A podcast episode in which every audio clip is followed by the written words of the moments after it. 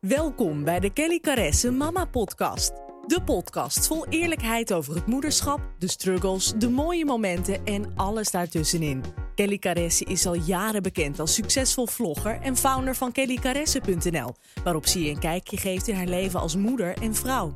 In deze podcast gaan we verder dan dat. Dus neem even een momentje voor jezelf, dan geef ik nu het stokje over aan Kelly, de host van de show. Hey, superleuk dat je luistert naar een nieuwe Kelly Caresse podcast. En deze maandag ben ik weer bij je met een nieuwe episode. En uh, ja, zoals ik had afgesproken met jullie in de vorige podcast, uh, heb ik het commitment gemaakt om twee keer per week te gaan podcasten omdat ik voel dat ik uh, wat meer op persoonlijk vlak uh, met jullie mag gaan delen. En het gebied van persoonlijke ontwikkeling en mindset.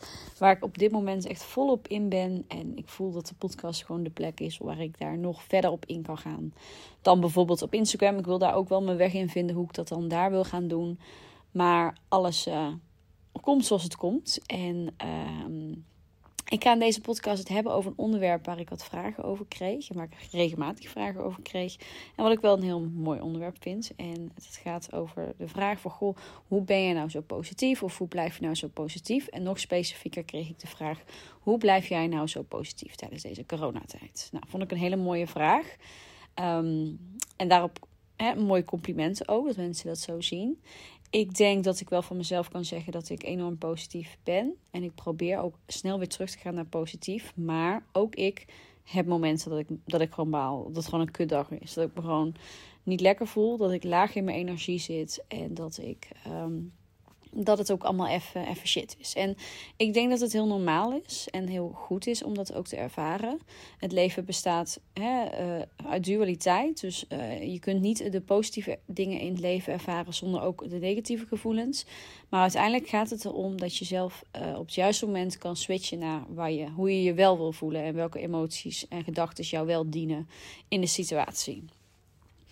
En zo ook dus dit onderwerp, hoe blijf je positief in coronatijd? Nou, ik, had, ik heb uh, in principe, ja, ik heb verschillende emoties ervaren in dit hele verhaal. En um, ik ben daar echt in een soort van rollercoaster gegaan. En um, ik denk dat dat voor velen herkenbaar is. Dus dat ga ik eerst met je delen. En vervolgens ga ik met je delen hoe ik dus zorg dat ik zo positief als ik kan ben om deze situatie op een goede manier uh, te omarmen. En om het me vooral niet te laten afleiden in hetgeen wat ik doe en wat ik wil doen en wat ik te delen heb en hoe ik in het leven wil staan. Als moeder, als, als vrouw, als, uh, als uh, influencer, om het zo maar te zeggen. Nou, toen het allemaal net aanbrak, was ik. Nou, het begon eigenlijk. Wij gingen nog naar wintersport. We waren in Frankrijk. En toen ik toen berichtgeving hoorde, dacht ik echt van: hé, dat kan helemaal niet. Heel veel ongeloof. Maar goed, het, ik dacht het gaat niet naar Nederland komen. Maar het, kwam. Dus de eerste weken, en zeker toen een soort van lockdown, hè, de intelligente lockdown begon, was ik echt in de eerste twee, drie weken volledig in angst. Ik durfde niet naar de supermarkt. Ik durfde niet. Uh, we hebben bijvoorbeeld een schoonmaakster, echt een fantastische vrouw. Die liet ik zelfs niet komen omdat ik bang was van hoe dan krijgen we het dadelijk. Terwijl je natuurlijk prima afstand kan houden, et cetera. Maar goed, ik was zo bang dat ik niemand zag en mezelf isoleerde en in de angst zat. En angst is een emotie die op een hele lage trillingsfrequentie zit, dus op een hele negatieve vibe zit. Dat kost je heel veel energie en dat helpt je niet verder. Hè? Angst is niet een emotie die jou veel veel helpt. Vroeger, of hè, stel dat je nu ineens bedreigd wordt, of je valt nu ineens, of je wil een gevaarlijke stunt uithalen, of je, je, er gebeurt iets waarbij je acuut moet reageren om de situatie goed te maken, dan is angst een hele goede raadgever. Want op dat moment handel je dus, waardoor je geen ongeluk krijgt of, of geen gevaar meer hebt. Bijvoorbeeld, hè, dan ga je wegrennen als je wordt aangevallen. Maar op andere momenten is angst eigenlijk een ja, heel cliché, slechte raadgever en een emotie die uh, je niet dient. En hoe. Um, hoe, het is heel prettig voor jezelf als je zo min mogelijk in het angsten leeft, natuurlijk. Maar goed, dat is geen knopje die je even omdraait of zo. Maar bij mij ontstond wel het besef dat ik volledig in die angst zat en dat dat me niet hielp. En dat dat me heel erg belemmerde in mijn geluk. En daarom heb ik toen um, de mindset shift, shift, kunnen maken om, ongeacht de situatie die er was, uh, te kijken wat ik nog wel had en wat ik nog wel kon. En hoe ik grip kon hebben op de situatie. Want op het moment dat ik nog heel angstig was, de weken daarvoor, was ik machteloos. Ik kon niks. Um, ik, en als je in angstfrequentie zit, in angstgevoelens, dan ehm, zul je ook merken dat je op andere gebieden negativiteit aantrekt. En ehm, daarom uh, kwam die mindset shift waarin ik zoiets had van: Weet je, dit is de situatie. Ik heb geen invloed op de situatie. Waar ik wel invloed op heb, is hoe ik ermee omga. Dus hoe kan ik zorgen dat ik uit die angst kom en in een positieve emotie kom en een positieve energie. En um, wat ik voor die periode al deed en wat tools zijn die ik zelf gebruik om in een positieve energie te komen, zijn dingen als mediteren, journalen, schrijven, doelen opschrijven en me te focussen op dankbaarheid. En dat klinkt allemaal voor, ja, van goh, hoezo werkt dat dan? Maar op het moment dat jij dankbaar bent, kom je in een hele positieve staat van zijn, kom je in een positieve energie.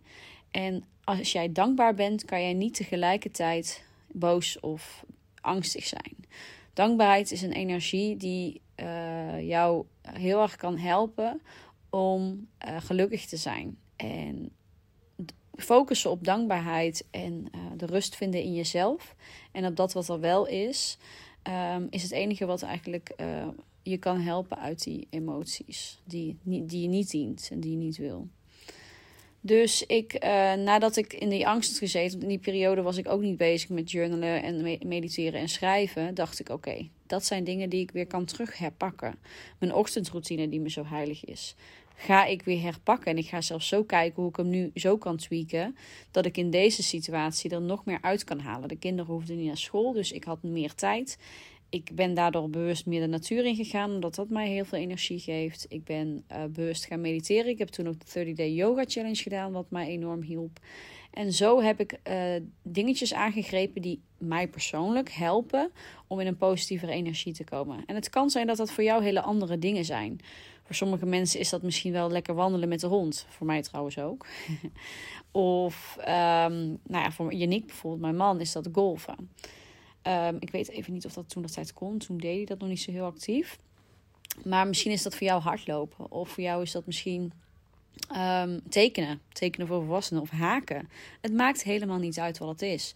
Maar ga kijken wat jij kan doen. Wat jou in een positievere vibe brengt van dankbaarheid. En het, was, het is ook een tijd geweest waarin ik ook, uh, los van hoe ernstig de situatie was ook heel erg in mezelf kon keren. Het dwong me eigenlijk om naar binnen te keren. Dus in plaats van dat ik altijd heel druk was met events en buiten de deur werken. En dan had ik weer dit en dan weer dat. En heel erg gericht op de buitenwereld.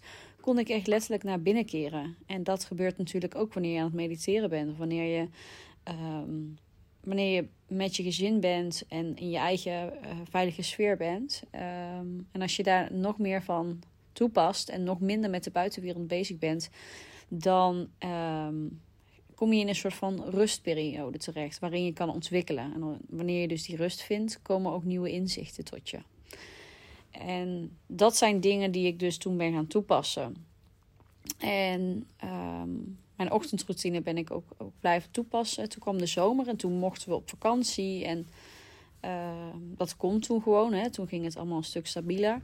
Dus dat hebben we ook lekker gedaan. En eigenlijk heb ik in die periode die dingen als morning routine, mediteren weer even laten vallen. En ik merkte dat gelijk aan mijn energieniveau. Los van dat ik de vakantie fantastisch vond. Hè, zeker toen we in Frankrijk waren, maar ook toen we in Nederland waren. Heerlijk, lekker uh, rust nemen. Maar aan de andere kant, als ik deze tools niet voor mezelf inzet, ben ik ook wel meer uh, sneller overprikkeld. Sneller uh, in een laag energie. Dus, dat, dat, um, dat, dus op een gegeven moment kreeg ik dat besef van oké, dat ga ik weer herpakken. Dus ongeacht of het corona is of whatever.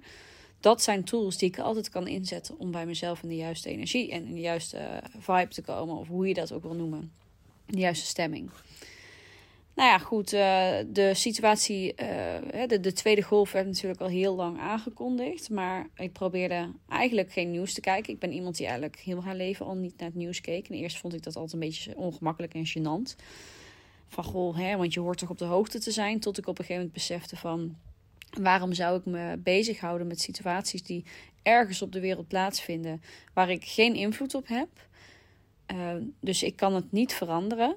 Maar het beïnvloedt wel mijn gedachten en mijn, mijn gevoelens en mijn energie, zeg maar. Dus waarom zou ik me focussen op negatieve dingen die er gebeuren? Op die manier kan ik ook niet ehm, positief naar mijn eigen dingen kijken. Het, het, nieuws heeft gewoon iets. Wat bij mij heel erg gewerkt, dat ik in die negative tijd ging. Maar het hele corona gebeuren zorgde dat ik weer vaker nieuws ging kijken. En dat was in de eerste golf natuurlijk al. En daardoor kwam ik zo toch in die angst. En nu uh, betrapte ik mezelf op dat ik ook weer dat nieuws allemaal ging kijken. En dat is natuurlijk voor iedereen persoonlijk, maar voor mij dient het niet, omdat het mij niet helpt om me goed te voelen. En ik kan de situatie niet veranderen. Dus ernaar kijken en weten wat er precies speelt, heeft geen effect. Maar toch betrapte ik mezelf op dat ik dat weer deed. En toen kwam ik weer van, oh jee, en dadelijk gaan de scholen weer dicht. En dadelijk gebeurt dit weer. En oh, als dit maar kan. En ga je eigenlijk weer in die angst zitten. In, in een scenario wat op dat moment nog niet eens plaatsvindt. Dus je gaat je druk maken om een scenario wat er nog niet is. En um, ik heb inmiddels ook geleerd dat wat er ook in mijn omgeving gebeurt, ik kan altijd weer terug naar mijn eigen energie en de dingen die mij blij maken. Dus waarom zou ik me nu druk maken om een situatie die er nog niet is? Men leidt het meest, heel cliché, maar men leidt toch het meest om, het om de angst die men vreest of zo, of het lijden dat men vreest. Dus we zijn eigenlijk bang voor dingen die er helemaal niet zijn op dat moment. En misschien helemaal niet gaan gebeuren. En dat kost ons enorm veel energie. Terwijl als je jezelf naar het nu brengt en kijkt wat je nu allemaal kan en hebt. En zelfs als daarin heel veel beperkingen zijn. Als je kijkt naar wat nog wel kan, dan ga je je automatisch veel beter voelen. Want we hebben het gewoon heel goed. En er gebeurt van alles. Maar als je toch kijkt van, hé, ik ben gezond, ik kan lekker eten, uh, ik heb een dak boven mijn hoofd. Er zijn zoveel dingen om dankbaar voor te zijn. En dat is een tool die je altijd weer kan inzetten. Dus uh, nou ja, het, ontstond weer. Maar toen had ik dus um, ja, best wel dat ik merkte van het kost me heel veel energie en al die meningen. Ik merk ook dat er veel meer um, oordelen zijn. Dus um, ja, dat, dat ik heel erg voel dat mensen heel erg oordelen van oh en die doet dit niet goed of die doet dat niet helemaal goed of whatever. We zijn op elkaar aan het letten. Terwijl ik denk als iedereen nou goed naar zichzelf zou kijken en op zichzelf zou letten voor zichzelf en kinderen bijvoorbeeld, ja, zijn eigen gezin goed zou zorgen, dan wordt er voor iedereen gezorgd. Um, maar ik merkte dat het me toen heel veel deed. Dus toen heb ik ook besloten om een paar dagen offline te gaan. Om echt even weer naar binnen te keren. En dat heeft me wel heel erg geholpen.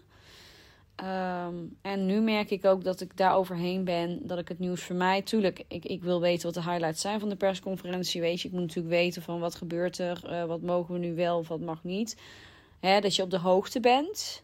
Maar dan, ik ga me daar niet meer uh, heel erg op, um, op opvreten als het ware. Want ik kan er niks aan veranderen.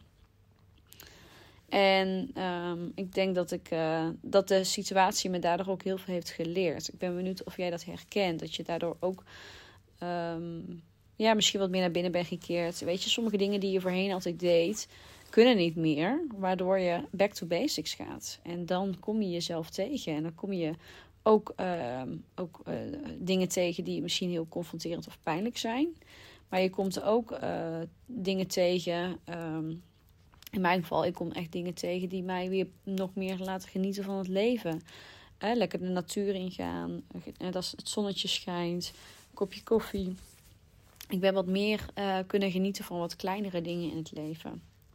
In plaats van, oh, we moeten weer gaan shoppen. Of, oh, weet je wel. Dus het heeft me ook heel veel in die zin gebracht. En op die manier, als je er positieve dingen uit kan halen, dan is het veel makkelijker om er positief mee om te blijven gaan. En accepteer het ook dat het oké is als je je even niet positief voelt. En of het nou over corona gaat of over andere externe dingen die om je heen gebeuren, die invloed hebben op hoe jij je voelt.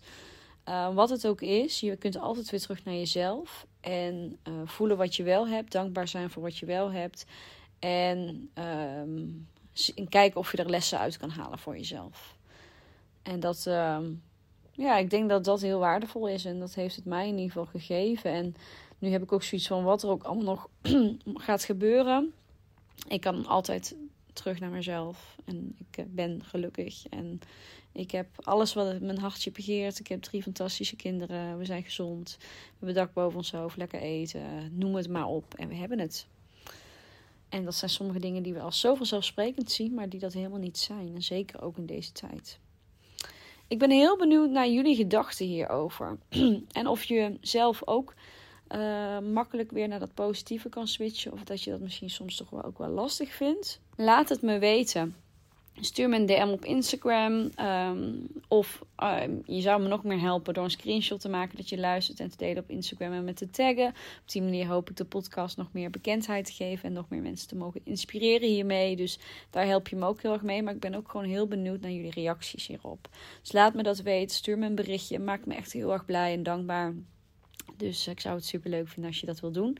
En heb je zoiets van, nou nee, dat, dat hoeft voor mij niet. Ook helemaal oké, want ik ben super dankbaar dat je luistert. Daarmee help je me ook. En dat uh, vind ik ook super uh, om te zien uh, hoe de podcast aan het groeien is. En nou ja, dat ik mijn boodschap mag uitdragen. Ik wil jullie enorm bedanken voor het luisteren. Jullie horen mij donderdag weer met een nieuwe podcast. En nou, dan heb ik weer een nieuw onderwerp voor je. Dankjewel allemaal. Doei!